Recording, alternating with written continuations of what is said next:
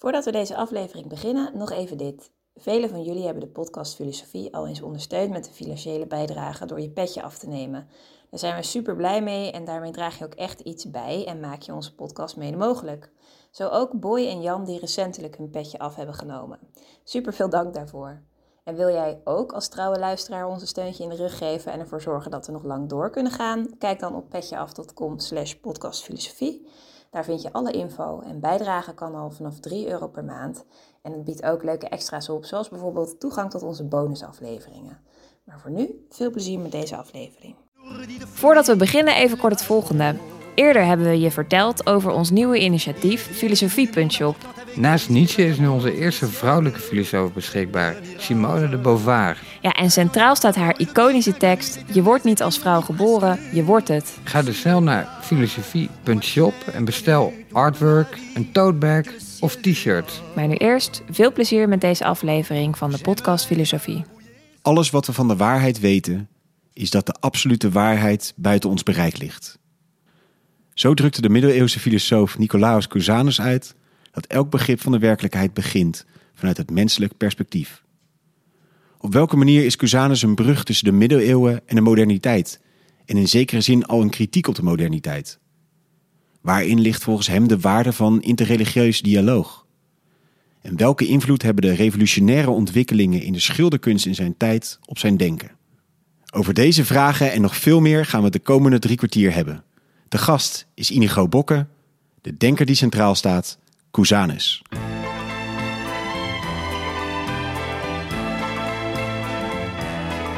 Vers les docks où le poids et l'ennui me courbent le dos. Dag, goed dat je weer luistert naar een nieuwe aflevering van de podcast Filosofie van het Centre Erasme, School voor Filosofie in Zuid-Frankrijk, Vlaanderen en Nederland. Mijn naam is Allard Amelink. Zoals altijd is het concept van deze podcast simpel. Er is een hoofdgast, er is een sidekick en een presentator. En in ongeveer 45 minuten duiken we in het denken van één filosoof. En vandaag zit naast mij Jozef Aanders. Hallo, goedenavond. En een bijzondere uitzending in zekere zin. Uh, zeker, want uh, rechts van mij zit uh, Inigo Bokken. En die coördineerde eind vorig jaar een nummer van filosofie tijdschrift over Cusanus. En dat deed hij omdat de oprichter van zowel filosofie tijdschrift als het Centre Erasme, Harry Willemsen, die overleed eind vorig jaar. En zijn lievelingsfilosoof, die hij altijd met graagte citeerde, was Cusanus. Dus hebben wij hem geëerd met een speciaal nummer over Cusanus, gecoördineerd door uh, onze gast van vandaag, Inigo. En mocht je na deze podcast denken, ik wil graag nog meer over Cusanus leren, dan is dat nummer nog altijd uh, bestelbaar op filosofie-tijdschrift.nl. Kijk, heel goed. Dus de ere van Harry Willems naat uh, ook deze aflevering over uh, Cusanus met Inigo Bokke. Hij is wetenschappelijk directeur aan het, uh, van het Titus Brandsma Instituut... dat wetenschappelijk onderzoek doet naar Joodse en christelijke mystiek en spiritualiteit. Daarnaast is hij universitair docent en verbonden aan de faculteit van Filosofie, Theologie en Religiewetenschap... aan de Radboud Universiteit in Nijmegen. En klinkt als een nodeloos feitje, maar hij is fan van FC Antwerp. Welkom Inigo in deze podcast. Dank u. Goedenavond. Goedenavond. Dat en... laatste detail is wel een heel belangrijk sleutel ook om Cusanus te begrijpen. Denk Precies, want we gaan het dus vandaag hebben over Cusanus. Geboren als uh, Nicolaus Krifts werd hij in 1401 geboren in uh, Koes, een plaats aan de Moezel in het huidige Duitsland. En later werd zijn naam gelatiniseerd tot Nicolaas van Cusa of dus Nicolaus Cusanus. Vanaf jongs af aan was het duidelijk dat Cusanus buitengewoon getalenteerd was. En hij studeerde dan ook al op jonge leeftijd in Deventer, later in Heidelberg en Padua. In 1430 werd hij tot priester gewijd en vervolgens werd hij een pauselijk legaat, een van de hoogste diplomaten van de paus. In 1448 werd hij gecreëerd tot kardinaal en later tot bisschop benoemd. En naast al deze religieuze en diplomatieke activiteiten was hij ook actief als wiskundige, astronoom, jurist, filosoof en daar komt hij, ontwikkelde hij een balspel. Nou, daar gaan we het ook nog even over hebben, want ook dat raakt nog aan zijn denken ook. Um, uiteindelijk overlijdt Cusanus in 1464 in Todi in het huidige Italië. Um, nog even niet over het balspel, uh, Inigo, maar um, een ander belangrijk beeld wat Cusanus gebruikt is het beeld van een schilderij dat je blijft aankijken als je ervoor staat, maar ook als je heen en weer beweegt. Wat is dat beeld en, en waarom is dat belangrijk voor het denken van Cusanus? Ja, ik denk uh, dat beeld uh, is belangrijk omdat het zoveel aspecten van, van uh, Cusanus zijn denken naar voren brengt. Het wordt beschreven in een boekje, Het zien van God, De Visione Dei. Um, wat eigenlijk een gelegenheidsboek is. Wat geschreven is voor bevriende monniken. Dus um, je hebt al gezegd, Cusanus was een, een topdiplomaat, eigenlijk een toppoliticus. Hij was voortdurend op reis doorheen heel Europa, door het uh, Duitse Rijk, door de Nederlanden. Uh, en onderweg um, had hij toch wel wat vrienden gemaakt, met name in de abdij van Tegernsee in Zuid-Duitsland. Benedictijnen, um, ja, met wie hij goed bevriend was. En waar hij trouwens ook een cel had gereserveerd voor zijn oude dag. Dat is er nooit van gekomen. Um, nou, die monniken die vroegen hem op een dag uh, van, zeg, uh, wij zitten hier maar te bidden en te werken, ora et labora. Um, maar soms twijfelen wij ook ja, of het allemaal wel de goede weg zit. Kunt u voor ons geen boekje schrijven, want u bent zo'n verstandig man, zo'n geleerd man. Um, nou, Cusanus heeft dat toegezegd. Nou, het duurt dan nog jaren voor het boekje er is. Die briefwisseling tussen de abt van Tegerenzee en Cusanus, die hebben we nog steeds. Zo van, ja, waar blijft nou dat boekje, Cusanus? Ja, ik heb het druk, ik heb het druk. Ik heb het druk, ik, ik kan niet al mijn e-mails beantwoord krijgen, schrijft Cusanus dan. En, uh, maar goed, uiteindelijk uh, in mei 1453, een belangrijke uh, tijd, hè, want dat is precies de periode van de val van Constantinopel, het moment waarop de, de, de, de Turken Constantinopel definitief ja, tenminste voorlopig definitief veroveren. uh, ik ben benieuwd naar je toekomstvisie. Ja, nee, voor mijn toekomstvisie hebben we het even niet. Um, um, maar dan uh, krijgen de monniken een, een heel bijzonder boekje in hun brievenbus.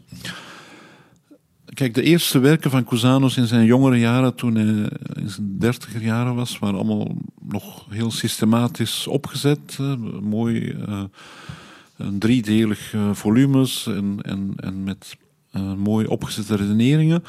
En je ziet in het leven van Cusanus steeds meer hoe zijn boeken echt concreter worden. Ze worden gelegenheidsgeschriften, antwoorden op een vraag van bijvoorbeeld de monniken van Tegerenzee.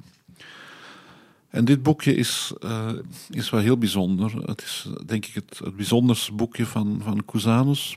Het zegt het meest over hem. En het is ook een, in de geschiedenis van het denken, van het filosofisch denken, ook van het theologische, mystieke denken, is het een sleutelboek. Omdat Cusanus uh, zo sterk vanuit een heel concrete ervaring uh, schrijft. Uh, vanuit de empirie zouden we tegenwoordig zeggen, vanuit een, een heel concrete waarneming. Uh, ik, ik, zie mij ook al de verbazing van die monniken uh, voor me. Dus die krijgen zo'n boekje met, een, met, al een, met al een heel dubbelzinnige titel. De Visione Dei, het zien van God. Die je in twee richtingen kunt lezen. Het is uh, ons zien van God of God zien van ons, zeg maar. Dus in de titel speelt Cusanus al met de lezer die in, in de war gebracht wordt. Ja, wat bedoelt hij nou? Nou, hij bedoelt alle twee, net zoals die beroemde Duck Rabbit uh, tekening, zeg. Van Wittgenstein, ja. ja. ja. dus je, ergens uh, speelt hij al met die lezer. Uh, en, voor, voor, voor, de luisteraar heel, heel even ja. ter illustratie, dat is die tekening, tekening van Wittgenstein in de Tractatus, die je zowel als een eend als een uh, konijn, konijn kan zien, afhankelijk ja. van de manier waarop je ernaar kijkt. Ja, of een vaas en een meisje heb je ook. Hè, dus, of een oude dame en een jonge dame heb je ook nog. Die, ja, dus dit soort dingen zitten al in die titel. Uh, en het wordt, het wordt nog raarder als die, die monniken die tekst lezen van... Uh, helemaal eigenlijk een beetje in spanning met klassieke mystieke traktaten. Zegt hij van, hier, je moet iets doen, monniken. Uh, voilà, hier is, er is een schilderij bij. Ik, uh, ik had het liefst een schilderij meegeleverd van Rogier van der Weijden. Dus daaraan zie je al dat Cusanus op de hoogte was van de meest avant-gardistische schilders uh, van dat moment. Rogier uh, was, was, een, was een topschilder op dat moment. het is overigens de enige tekst van een tijdgenoot van Rogier waar Rogier vermeld wordt. De grote tentoonstelling van Rogier hing ook het manuscript van De Visione Dei. Eh, ja, het liefst van al had ik eh, een zelfportret van Rogier meegestuurd, dat ik in Brussel in het stadhuis heb zien hangen, zegt Cusanus. Ehm, maar ja, dat, dat ging niet. Eh, dus ik heb maar een Vera-icon meegeschilderd. een, een, een, een doek van Veronica, zeg maar, die het ware gezicht van Christus op haar zweetdoek heeft.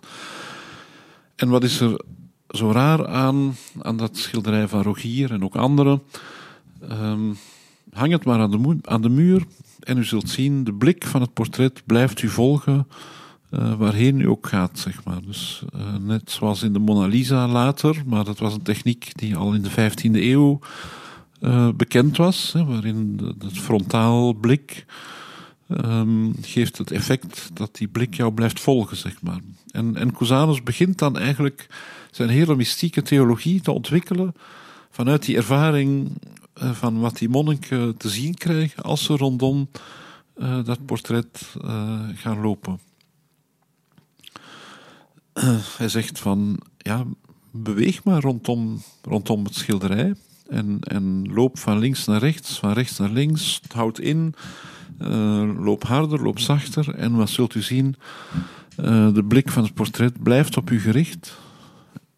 Uw toeschouwer staat helemaal in het centrum van de belangstelling.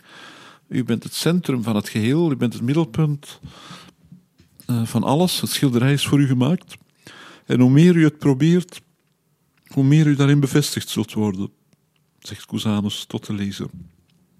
Tot de monniken van Tegerenzee, maar ook tot ons, eh, die het boekje vandaag nog kunnen lezen. Eh, ook, in een, ook in een sublieme Nederlandse vertaling, zeg, zeg ik even met een ironische ondertoon. Ehm, Van jezelf? eh, nou ja, Vandaar de ironie. ja. Ehm, Maar dan heb je natuurlijk het gekke dat, je, dat als er meerdere mensen voor dat schilderij staan, dan hoe, hoe kan dat dan? Want niet Ja, iedereen kan de- schil- en hij zegt uh, Mirabilis, eh, en, en de andere monnik eh, die ook rondom het schilderij loopt, die zegt van ja, maar eh, ik ook, ik, zie het, ik ben ook het middelpunt. En, eh, je zou kunnen zeggen, een modern standpunt zou zeggen, nou, ze beginnen te vechten, want ieder, eh, er is geen fundament meer om het middelpunt te, te vinden, dus ze gaan vechten. Niet zo Cusanus. Hij zegt van, de, de, de, de, de, twee toeschouwers zeggen: Oh, mirabilis, mirabilis, het is wonderbaarlijk. eh, dat, dat, u bent ook het middelpunt. Dat is nu toch, dat is nu toch straf, zoals in Vlaanderen zeggen. Eh, ik, ik ben ook het middelpunt. Eh, dat is toch ongelooflijk. Dus dit moet een mysterie zijn. En, en eigenlijk, je ziet Cusanus ook, ook zelf genieten als hij die tekst schrijft, zeg maar, van, van zijn eigen, van zijn eigen gedachten. Hoe, hoe hij ontdekt dat eigenlijk ehm, we staan helemaal niet in het middelpunt. We zijn eigenlijk maar één oneindigste van het aantal perspectieven rondom het schilderij, zeg maar. Eh, en, en we zijn ook gebonden aan dat perspectief. Ehm, we kunnen, dat zegt hij in een ander boek, maar dat heeft hier ook, hierop ook betrekking. Zelfs al zouden we duizend jaar lang proberen iemand anders te zijn dan wie we zijn, het zal niet lukken. We zijn aan ons perspectief gebonden. We kijken op onze manier. Ehm, en het perspectief van die ander zullen we nooit kunnen eh, ehm, doorgronden. Maar dat kunnen we weten, zegt Cusanus. Dat kunnen we weten. Eh, en met dat weten moeten we iets doen. En dat kunnen we doen als we die andere geloven. Dus de andere toeschouwer die mij zegt van... eh, ja, maar ik ben ook het middelpunt. Ehm, ja, je kunt zeggen dat is niet waar, want ik ben het al. Cusanus zegt, nee, je moet daar iets mee doen. Eh, ik kan dat natuurlijk niet begrijpen, want ik denk het middelpunt te zijn, maar dat die ander dat ook zegt. En ik geloof hem, dat, dat staat uitdrukkelijk. eh, ik schenk vertrouwen aan zijn mededeling. Eh, dan moeten we daar iets mee doen. En dat betekent dan dat wat ik zie in mijn perspectief kan eigenlijk dus maar gezien worden als je alle mogelijke perspectieven zou kunnen innemen eh, die, die, die denkbaar zijn, eh, namelijk oneindig vele, Ehm, wat onmogelijk is. En dat kan ik weten. En daardoor zie ik eigenlijk het onzichtbare, zegt Cusanus met mijn aardse ogen. Heel interessant is dat Cusanus, hij spreekt niet over perspectief. Ehm, dat doet hij wel in een ander werk. Ehm, en we weten dat hij het centraal perspectief kende. De 15e eeuw, daar zijn we in. De vernieuwing van de schilderkunst, revoluties in de schilderkunst eh, in Italië. Leon Battista Alberti is de grote naam, eh, eigenlijk de grote theoreticus van de nieuwe schilderkunst, eh, die het centraal perspectief ja, een codificeert, niet uitvindt, maar, maar dat uitwerkt tot een methode. En wat is dat, dat centraal perspectief? Het centraal perspectief is eigenlijk ehm, eh, dat je van op één eh, standpunt eh, staat en van daaruit de, ehm, gericht bent op één verdwijnpunt in het schilderij, zeg maar, dat, waarop alle stralen gericht zijn.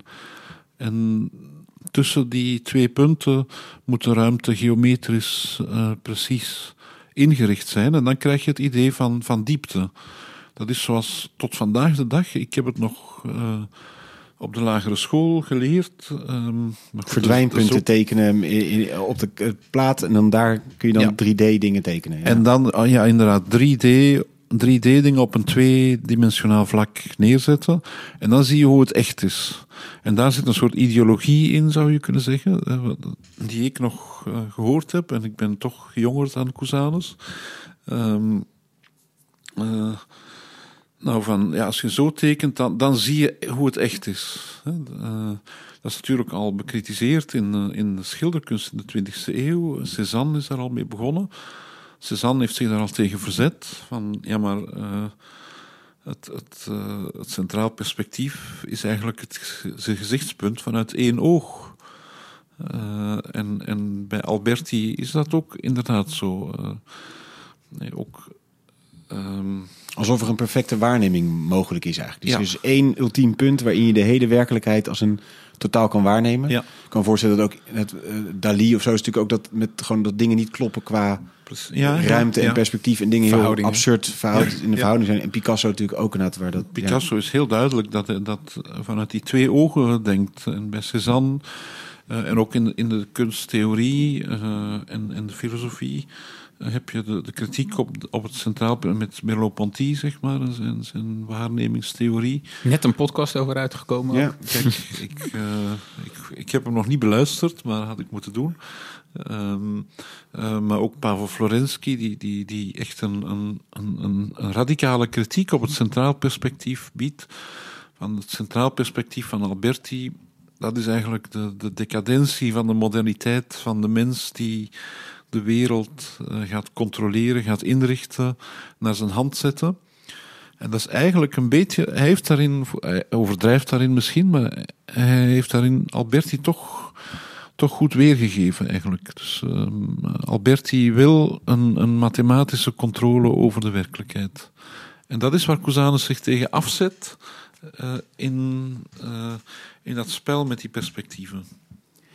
Als in hij zet zich af tegen een, een, een, een benadering die helemaal van, van het subject uitgaat. Is, is dat het punt? Ja, nou ja, zich afzetten. zou het bestond er eigenlijk nog niet, hè? Hij Bestond een eigenlijk nog niet. dus eh, ja, zet hij in zich die dan eigenlijk tegenover? Ja. ehm, nou, hij, hij, hij we weten van Cusanus dat hij het boek van eh, Alberti kende. De, bibliotheek van Koes is nog, eh, van Cusanus en Koes is nog steeds ongeveer intact. Eh, dus we weten precies welke boeken hij gelezen heeft en welke niet. En we weten dat hij Alberti kende. Ehm, en, en dat hele spel met die waarneming, zijn, zijn hele kentheorie, zijn hele waarnemingstheorie, eh, neemt ook een beetje die van Alberti over, maar eh, ehm, gaat er bovenuit. Hij, hij zet zich daar niet, eh, niet tegen af, eh, in de zin van, nee, dat centraal perspectief klopt niet. Ehm, maar hij laat zien eh, dat model van het centraal perspectief, eh, dat, dat, het volstaat niet. Ehm, er zit in ieder perspectief zit, zitten ergens punten, verdwijnpunten zou je kunnen zeggen. Maar in de marges daar gebeurt, gebeuren dingen die zich onttrekken aan, aan onze waarneming. Ehm, bijvoorbeeld het besef dat, dat, we, eh, dat er ook iemand vanuit een heel ander hoek eh, kan kijken. Ehm, dus we kunnen dat ook reëel zien in de, schilder, in de Vlaamse schilderkunst of de, de, de Nederlandse schilderkunst uit die dagen, die niet centraal perspectivisch uh, werkt. Jan van Eyck bijvoorbeeld. Nou, daar kun je van op verschillende plekken naar het schilderij, uh, het schilderij binnentreden, zou je kunnen zeggen. En de schilderijen die volgens Alberti zijn um, opgezet, moet je echt op dit punt gaan staan. En daar klopt het. Ja. Um, Cusanus is er heel diep van doordrongen dat wij, dat Alberti gelijk heeft, dat, dat we ons standpunt serieus moeten nemen. Het menselijk standpunt moeten we serieus nemen. Um, we kunnen niet over, uh, over God nadenken, of over, uh, zelfs, zelfs hoe abstract we ook denken over het goddelijke, over de waarheid. Dat is altijd van op een bepaald perspectief. Maar Vanuit... zeg je net inderdaad, aan marge het, het, gebeurt in de marges eigenlijk, in de dingen die zich aan het zicht ontrokken. En net zei je al even een tijdje terug in zo'n bijzin. En daar zit, in die onzichtbare plekken, daar kun je iets van het goddelijke zien. Uh, hoe moeten we dat dan zien? Want tot nu toe van mij helder je hebt één ultiem punt waarmee je naar bijvoorbeeld hè, de werkelijkheid kan kijken. Um, maar wat hij dus eigenlijk zegt, in die schilderkunst kun je dat zo uh, creëren. Maar in de werkelijkheid heb je dus altijd verschillende hoeken waar je kijkt naar de werkelijkheid, waardoor je dus altijd een ander perspectief hebt, waardoor er altijd net andere stukken aan het zicht ontrokken worden of juist zichtbaar worden. Cusanus is gefascineerd door, door de momenten waarop het niet meer lukt, uh, waarop je het niet meer in de greep hebt, uh, waarop het niet meer onder controle is, waarop het net niet meer zichtbaar is, uh, waar we het niet meer begrijpen. dus hij is uh, gefascineerd door het niet weten. Dat was zijn eerste grote werk, De Docta Ignorantia, over het weten van het niet weten, de wetende onwetendheid. Um, heel Socratisch, zo klinkt het. Ja. Heel Socratisch. Uh, en, en daar ziet hij ook al, uh, ook in de lijn van Anselmus, maar ook, ook van Socrates, maar ook van Anselmus. Uh, van oké, okay, laten we aannemen dat er zoiets is als het grootste, het maximum. Um, nou ja, als je dat probeert te denken, is het al niet meer het grootste, want dan staat er iets buiten dat grootste, namelijk ik die denk, zeg maar. Ja, want ik kan het allergrootste overzien, ja. zekere zin. Ja. En dus is het niet meer het grootste, maar, maar dat kunnen we weten. Dat is de beweging die hij iedere keer maakt. Uh, en en dat is, daar stoot je op een grens, zeg maar. En dat is wat Cusanus fascineert. Hier werkt het niet meer. Ook in onze waarneming, het controleren van onze waarneming zijn die momenten het interessantste waarop het, waarop het niet meer werkt, waarop we de beheersing uh, kwijt zijn. Uh, en, en uh, dat is voor hem niet angstwekkend. En misschien is dat iets wat hem, wat hem anders maakt dan, dan. Want dat is natuurlijk een thema dat later in de moderne tijd heel centraal wordt. Hè, die, die angst van hebben we het nog waar, de grip, grip, waar we de grip verliezen, dat, dat is juist ja. beangstigend. En hij zegt eigenlijk meer, ja, dit is dat soort inherent. En daar zit misschien ja, juist fantastisch. wel... Hij is blij. Hij zegt van, het is, het is geweldig, mirabilis, uh, zegt hij. Van, want het laat zien dat wat we zien nog groter is dan we ons kunnen voorstellen. Bedoel, het, is, het is nog beter. Uh, ik, we dachten dat het mooi was. En het is, blijkt nu nog, nog, veel on, nog veel meer mogelijkheden te zijn.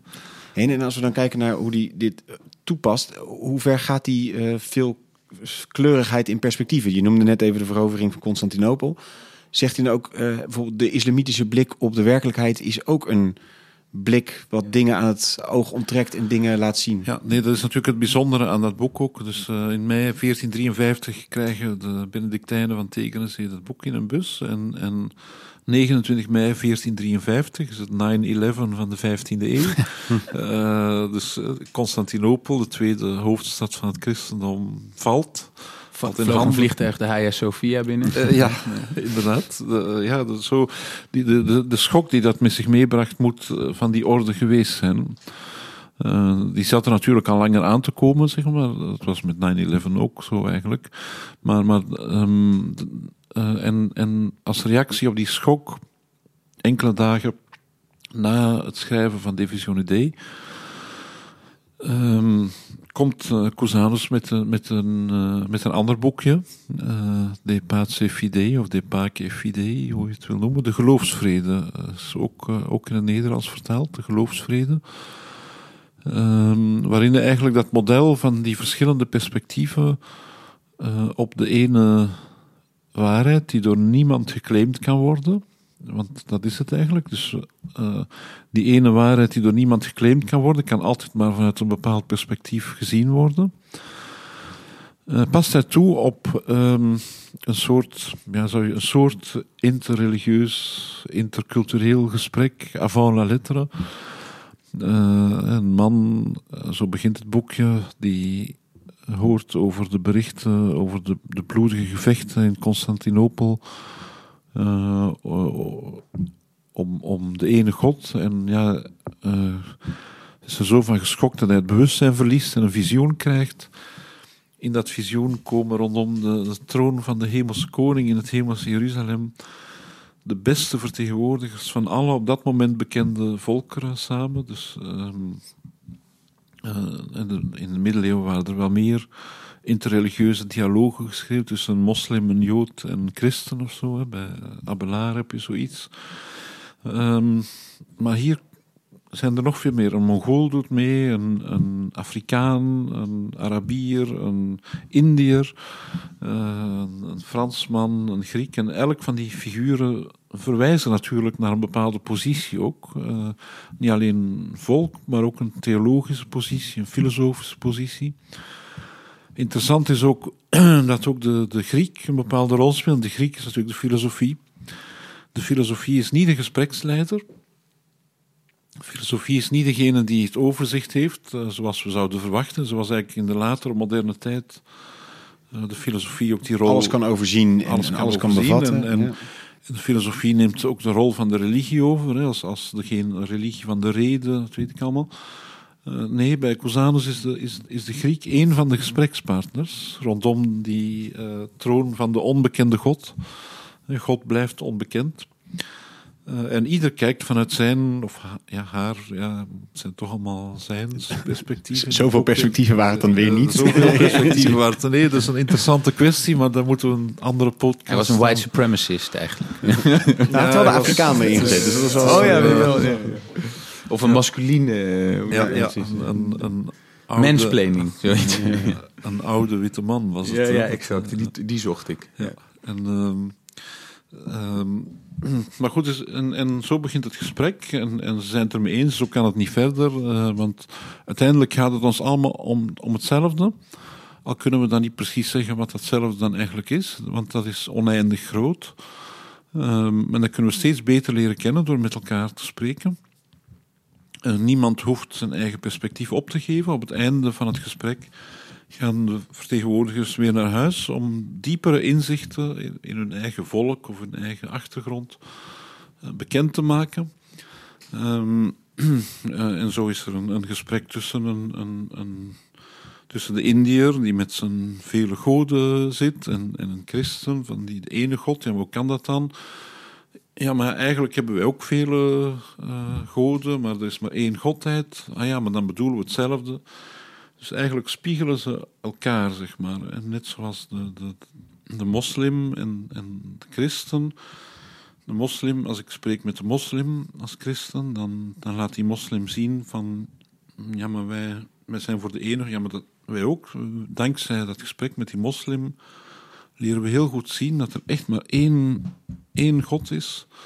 Dus de perspectieven spiegelen elkaar, zeg maar. Door, en, en, en, wordt hij hier dan relativerend in, of relativistisch in, zeg maar, dat hij dan zegt, ja, en het is allemaal dus ook, hè, je zegt ook namelijk de onbekende God. Wordt het dan uiteindelijk een beetje, ja, joh, iedereen heeft daar een beetje deel van de werkelijkheid zwaar? Of probeert hij nog wel naar een soort punt te bewegen? Want anders is het wel heel modern, zeg maar, dat je zegt, ja, iedereen heeft zijn perspectief en dat is het. Uh, nee, het is, het is juist het tegendeel van relativisme.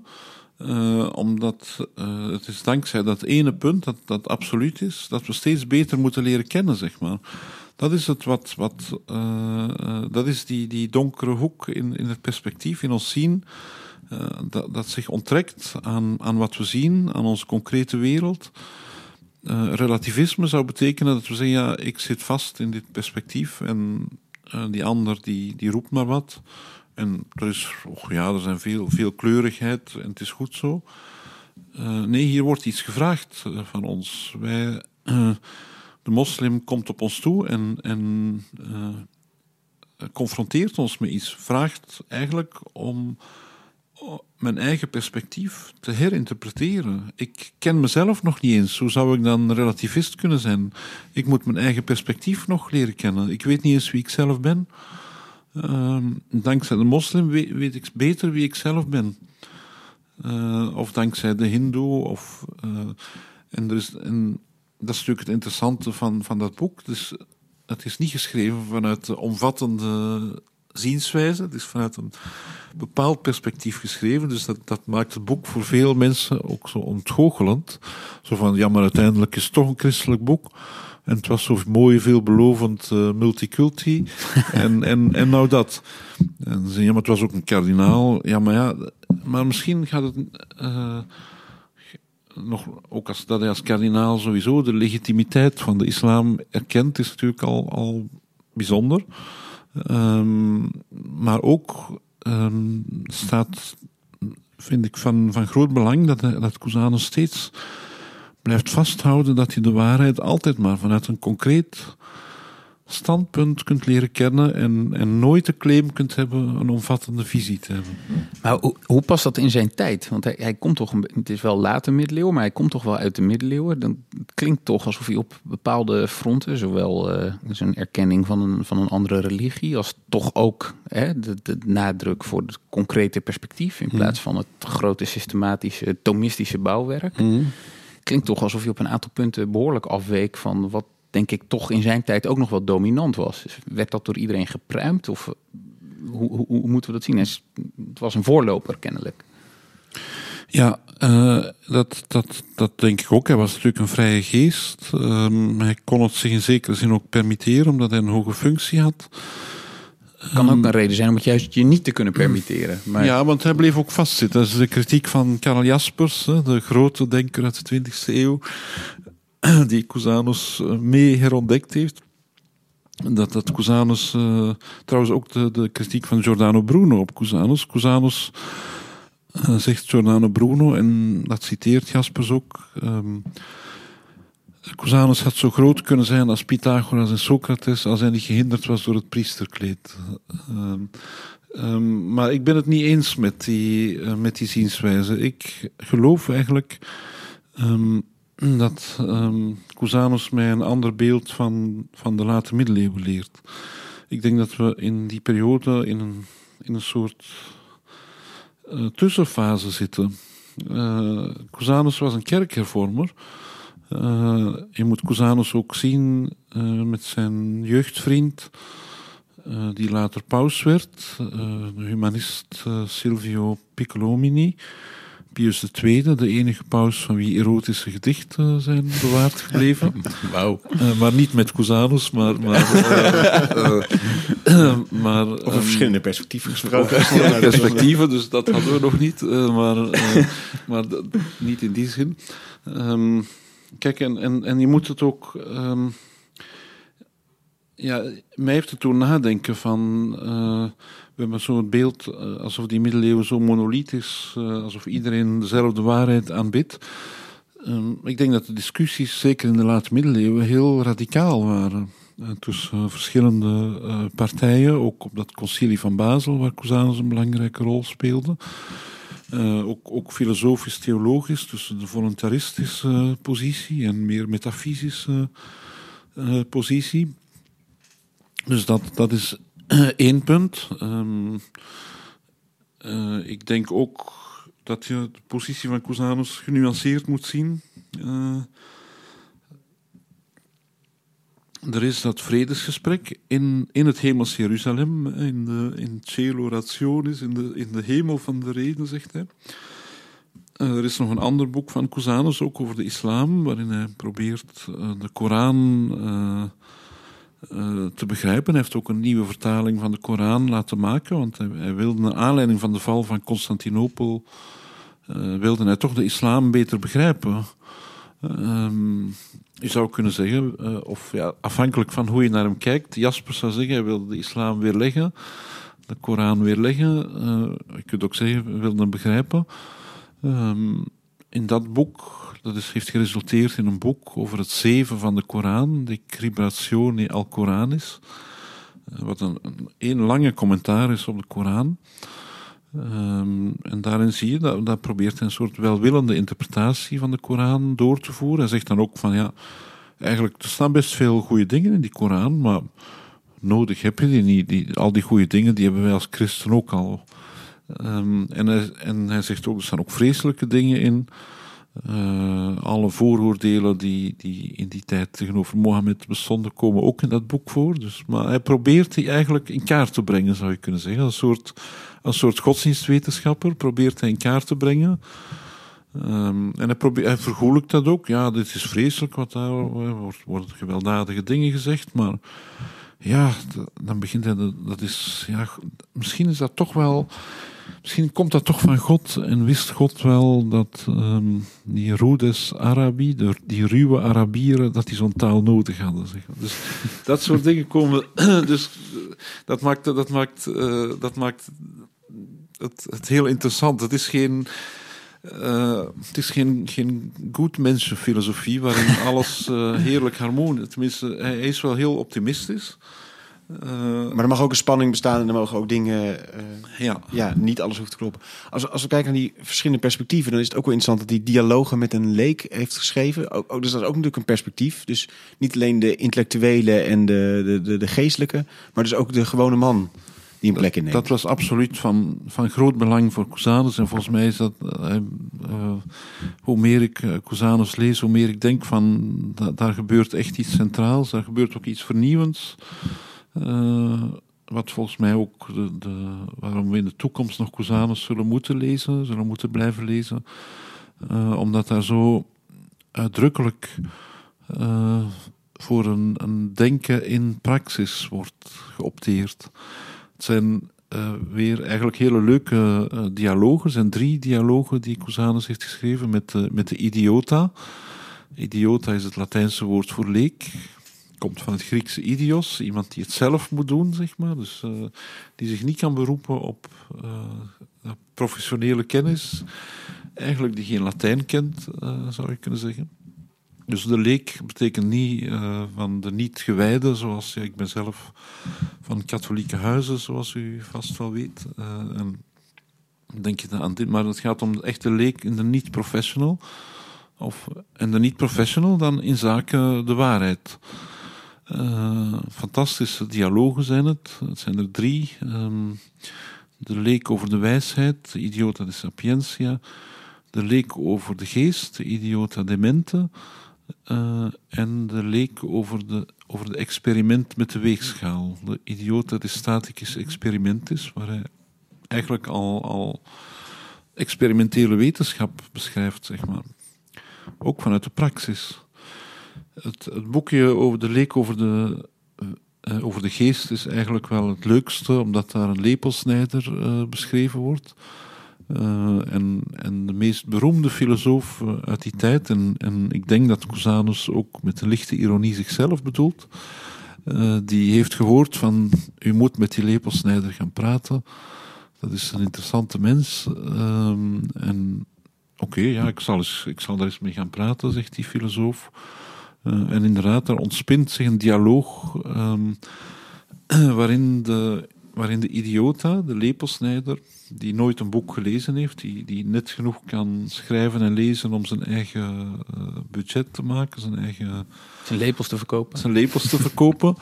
um, en zegt wonderlijke dingen, die natuurlijk door Cusanus geschreven zijn. Dat, dat is ook, dat, daar kun je ook wat bij denken. Maar in ieder geval over de creativiteit van de menselijke geest. Dus uh, hij beschrijft de ervaring van het lepelsnijden alsof het een kunstenaar is. Bij iedere lepel heb ik eigenlijk geen voorbeeld meer, zegt de lepelsnijder. En uh, in mij ontwikkel ik een beeld.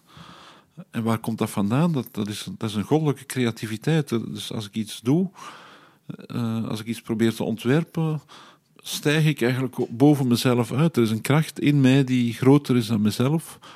Ik ben een beeld van God. Uh, als kunstenaar eigenlijk. De mens, mens, mens als kunstenaar, zoiets. En uh, ja, de filosoof die staat natuurlijk onder, is onder de indruk van, van die prachtige ideeën. En als schitterend uh, lepelsnijder wat u daar zegt. Dat is precies wat, wat Aristoteles in het uh, negende boek van de Metafysica zegt. en, en de lepelsnijder uh, zegt, oh ja, dat, dat, mooi, ik ken die vriend van u niet, maar, maar uh, ja, dat moet, moet wel een verstandig man zijn als die dat ook ziet. Uh, en zo gaat dus... En nog los van de ideeën over, over die creativiteit, die, die ook van belang zijn om Cusanus op de grens van het moderne en het premoderne te zien, hè, is eigenlijk dat hij dat gesprek met die leek aangaat. En dat de praktijk van, van, van het menselijke scheppen, van het menselijke doen, het menselijke handelen, een bron wordt uh, van wijsheid. Van wijsheid. Uh, en zegt in, in Idiota de Sapientia, zegt hij ook van... Vroeger zocht ik de wijsheid uh, in donkere hoekjes, in bibliotheken. Nu weet ik dat, de, dat zij roept in alle straten en op alle pleinen.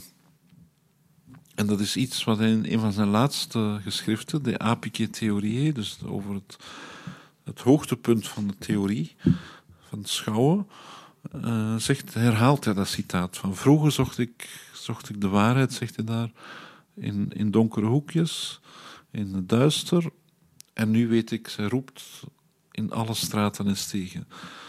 Uh. We hadden het net al even over uh, de, de, receptie van uh, Cusanus. Jaspers kwam daar voorbij, dat is pas 20e eeuw. Tussentijd Wordt die grotendeels vergeten? Waarom wordt hij dan in die 20e eeuw weer herontdekt? Of wat maakt dat hij daar dan plotseling relevant is? Ja. Er is inderdaad een hele beperkte receptiegeschiedenis. Er is wel wat receptie. Ik heb daarnet Giordano Bruno al, al genoemd. Een, een, licht in het Duitse idealisme. Maar eigenlijk wordt Cusanus gewoon vergeten, zeg maar. Dus een lichte onderstroom. Uh, ook uh, bij de Cambridge Neoplatonist weten ze dat, die, dat Cusanus er was. Um, maar eigenlijk de grote herontdekking van Cusanus um, gebeurt door um, Ernst Cassirer, het neo-Kantiaanse denken. Een soort vernieuwing van, van het Kantianisme, een kritiek ook op het Kantianisme, die in Cusanus een soort voorloper van, van Kant zag, maar tegelijkertijd die in die. Dat snapt Cassirer, of, of daar worstelt hij mee, van toch wel een die, die ergens toch wel uh, voorbij kant ging, zal ik maar zeggen. Omdat, uh, omdat, ja, wat, wat, omdat dat niet weten zelf nog eens um, in, in het proces van het kennen zelf mee geïntegreerd wordt, zeg maar. En, en dat, dat, is denk ik een stap voorbij kant. En dat ziet Kassierer ook wel. Um, in, het, in de ja, uh, Jaspers is een, is een andere uh, naam die, die uh, Cusanus bekend gemaakt heeft. Maar goed, dan zijn we al in de jaren zestig. Kassier is al wat, wat vroeger, zeg maar. Dus, um, en dat is ook het begin van de kritische editie. Maar ze zien kennelijk ook iets moderns in hem dan. Want als, als, als Casiré zegt, ik, herken hier iets van Kant in.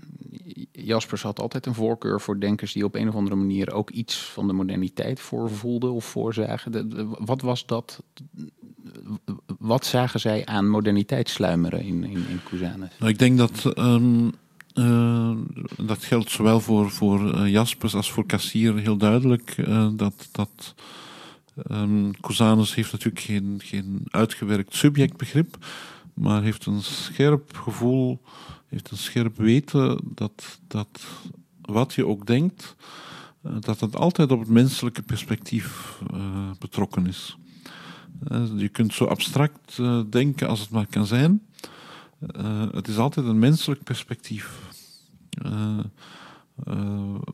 zoals God denkt, kunnen we nooit denken. Dat is een soort kritisch moment. De godsgedachte wordt daar tot een kritisch moment. Um, dat is waarom iemand als Hans Bloemberg, ook een belangrijk iemand als het om de receptie van Cusanus gaat, waarom hij zegt, Cusanus staat op de drempel van de moderne tijd. Volgens Bloemberg durft hij er niet over te gaan, omdat hij uiteindelijk aan die godsgedachte uh, vasthoudt.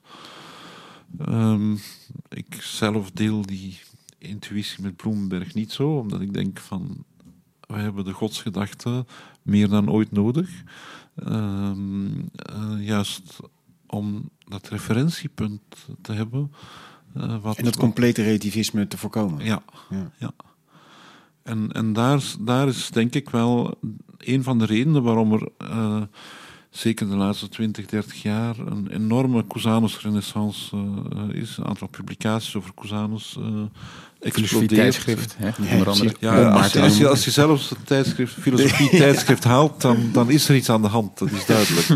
ja, en dat is dan eigenlijk dus een reactie op dat postmodernisme. Dus dat je zegt ja. van toch nog wel dat, dat multiperspectief maar wel vanuit de gedachte dat dat uiteindelijk toch ergens toe probeert ja, te want reiken. Dat, dat, dat, post, dat relativisme, is, daar zit een conflict tussen...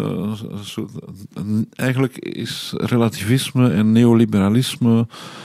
Uh, en, en, kapitalisme uh, vallen allemaal samen, zeg maar. Die, en die claimen natuurlijk toch stiekem wel een, een, een wereldbeschouwelijk punt. En dat staat in, in spanning tot, tot volgens mij een andere problematiek waar wij mee worstelen. Hoe, hoe gaan we met het geheel der dingen om? Uh, ecologisch, maar dan in de brede zin van het woord. Hoe gaan we met, met onze hele wereld om? Uh, uh, ja, da, daar zit... Dat, da, daar is een spanning in onze tijd, volgens mij. iedereen weet wel uh, dat we daarmee worstelen, zeg maar. De hele 20e eeuw worstelt daarmee. Hoe, hoe, kunnen we het geheel in het vizier krijgen, daar iets mee doen, zonder dat je meteen zegt, nee, maar dat, is, dat valt buiten onze zienswijze. Dit moeten nu instrumenteel uh, handelen. Uh, wat het onmogelijk maakt om, om, het, om het geheel te zien. Um, terwijl we heel goed weten, ja, maar daar hebben we wel nood aan. Ik, ik zou denken, de grote ideologieën die die de 20e eeuw tot de ergste eeuw van de mensheid hebben gemaakt, uh, proberen juist daarin te voorzien, zeg maar. Dus die problematiek waar Cusanus voor staat. Ja, die proberen eigenlijk dat, dat, dat centraal perspectief erin te rammen. Zo is het. Dat zijn de, de, de politieke religies, zou je kunnen zeggen, die, uh, die heel duidelijk weten hoe het geheel in elkaar zit. Um, uh, Cusanus uh, in al zijn trial and error. Uh, want hij, experimenteert voortdurend, hij geraakt er niet uit. Uh, ik, ik, weet dat heel veel mensen die, die van, van Hegel houden, die vinden dat hij, lang, dat hij niet systematisch genoeg is en zo. Maar hij experimenteert gewoon met de ervaring van, ja maar zie eens, wat, ineens zie je het oplichten, zeg maar. En, ik zie Hegel nog niet over de lepelsnijder beginnen. Nee, nee. dat is... hey, laten wij. Uh, we begonnen met, uh, met FC Antwerpen, uh, Inigo. En, en dat, ja. ik denk dat we dat. Misschien de meeste luisteraars, als het hebben volgehouden, tot hier denken: ja, maar nu moet toch dat balspel komen. Wat was het balspel van uh, Cusanus? Een beetje kort, want we zijn, moeten richting een afronding. Maar hoe kunnen wij het spel van. Spelen? Ja, eigenlijk alleen maar in het Boshuilstadion. Uh, maar, van Antwerpen? Uh, van het stadion van Antwerpen nog steeds, na 125 jaar of zo. Um, uh, dat balspel, dat is weer een mooi voorbeeld van dat experimenteren, dat trial and error van Cusanus. Hoe hij eigenlijk heel speels denkt. Ludus Globi, een boekje uit 1463, een jaar voor zijn dood. Uh, dat hij geschreven heeft voor uh, de jongere zonen van, een hert, van de hertog van Beieren, die, die, waar hij op zijn diplomatieke reizen mee bevriend was geraakt. En hij schrijft een boekje voor hen waarin hij een spel ontwerpt dat, dat ook echt gespeeld wordt, wat, waar nu ook vandaag de dag kun je het kopen in koers, zeg maar. Ik heb het thuis en uh, ik heb het al drie keer gewonnen ook, het spel. Um, uh, het, is, het is heel eenvoudig. Het is, je moet proberen een, een bal in het midden van negen concentrische cirkels te werpen. Uh, als, je, als, je dat, als je daarin lukt, dan krijg je 34 punten. Want in de 15e eeuw gingen de mensen ervan uit dat Christus 34 jaar was geworden. Dan moet je maar aan exegeten vragen of medievisten dat, waarom dat zo is. Alleen, er is een probleem met die bal. Er zit een gat in de bal. Uh, er is een, een soort uitsparing in die bal. Uh, daar zit een symbolische kant aan. Hè. De, de, de globus, de, de, de, bolvorm is, is de perfecte goddelijke vorm. Nou, mensen hebben wel iets van een goddelijke vorm, maar er zit toch een gat in. Er is een stuk af, uh, zoals ze dat zeggen. Bij iedereen wel iets. Maar dat heeft tot gevolg dat je de loop van die bal niet kunt berekenen. Je kunt, uh, hoe meer je richt op het doel, hoe verder die van het doel afgaat. Dat is heel frustrerend. Ik heb het vaker ook speelt, het spel met andere mensen. En, en Tot frustratie van die anderen dus altijd. Ja, ja. En, en, eh, eh, maar je kunt wel leren, zegt Cusanus, ehm, met, dat, met die onberekenbaarheid om te gaan. Je kunt een soort middelpunt vinden tussen het, het richten op het middelpunt en het loslaten. En dat is, dat is een, een kunst die je niet meer kunt berekenen, maar die je door, door de ervaring moet leren. Door trial and error.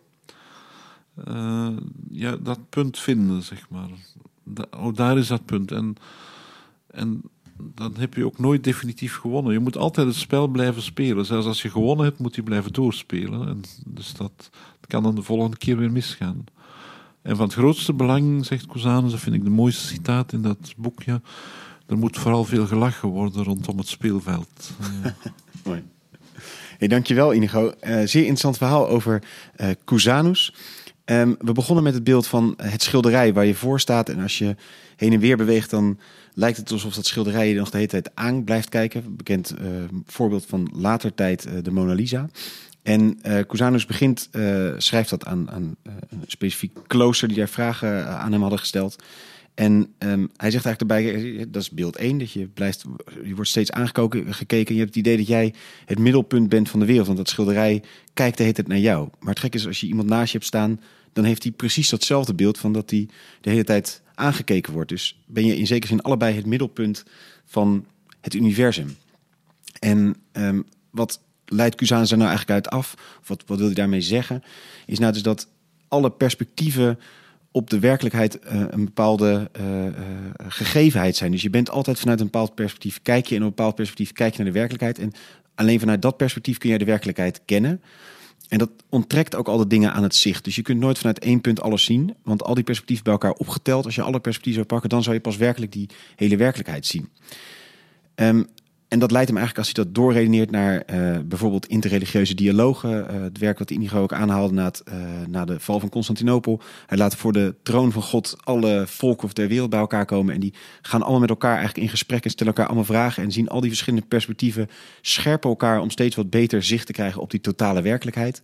Maar niemand kan die totale werkelijkheid echt kennen. Ehm, eigenlijk klinkt dat als een heel modern gegeven. Een ding wat misschien veel mensen ook zo zouden zeggen over religie. Ja, die bevatten allemaal wel een kern van waarheid, maar wat is het? Ehm, en dat leidt dan vaak vandaag de dag tot een soort relativerende opmerking van ja, ach, het is ook allemaal maar relatief. Maar dat is eigenlijk niet wat Cusanus zegt. Hij zegt heel erg juist van nou, er is juist wel een ultiem perspectief, de onkenbare God. Daar kun je wel stapjes heen toe bewegen, maar hij zal altijd zich aan ons zicht blijven onttrekken. En dat is niet iets teleurstellends, maar is juist eigenlijk iets heel moois. Cusanus gebruikt hiermee eh, een, een moderniteit eigenlijk. Eh, hij ah, integreert actuele schilders, eh Rogier van der Weijden, Alberti. En die Alberti introduceerde het centraal perspectief. Dus dat je vanuit één punt perfect het schilderij kan zien. En je moet er niet naast gaan staan, want dan klopt het, het beeld net niet. Die manier van schilderen, van dat centraal perspectief, is dominant in de hele schilderkunst eigenlijk tot een beetje in de moderne tijd. En wordt ook een soort beeld van eigenlijk hoe de moderniteit in elkaar steekt. Dus namelijk dat je zegt, als wij maar het goede perspectief in zien nemen, dan kunnen wij de hele werkelijkheid overzien en alles op de juiste manier vatten. En op een wonderlijke manier levert dus Cusanus eigenlijk in zijn denken al voordat de moderniteit aanbreekt kritiek op de moderniteit. Door te zeggen, ja, maar uiteindelijk heb je altijd die verschillende perspectieven. En kun je dus nooit dat ene overstijgende perspectief nemen. En daarbij als mooi voorbeeld dat hij de Griek in dat hele hemelse tafereel niet eh, als filosoof het ultieme overstijgende perspectief laat innemen. Maar één van de gesprekspartners laat zijn.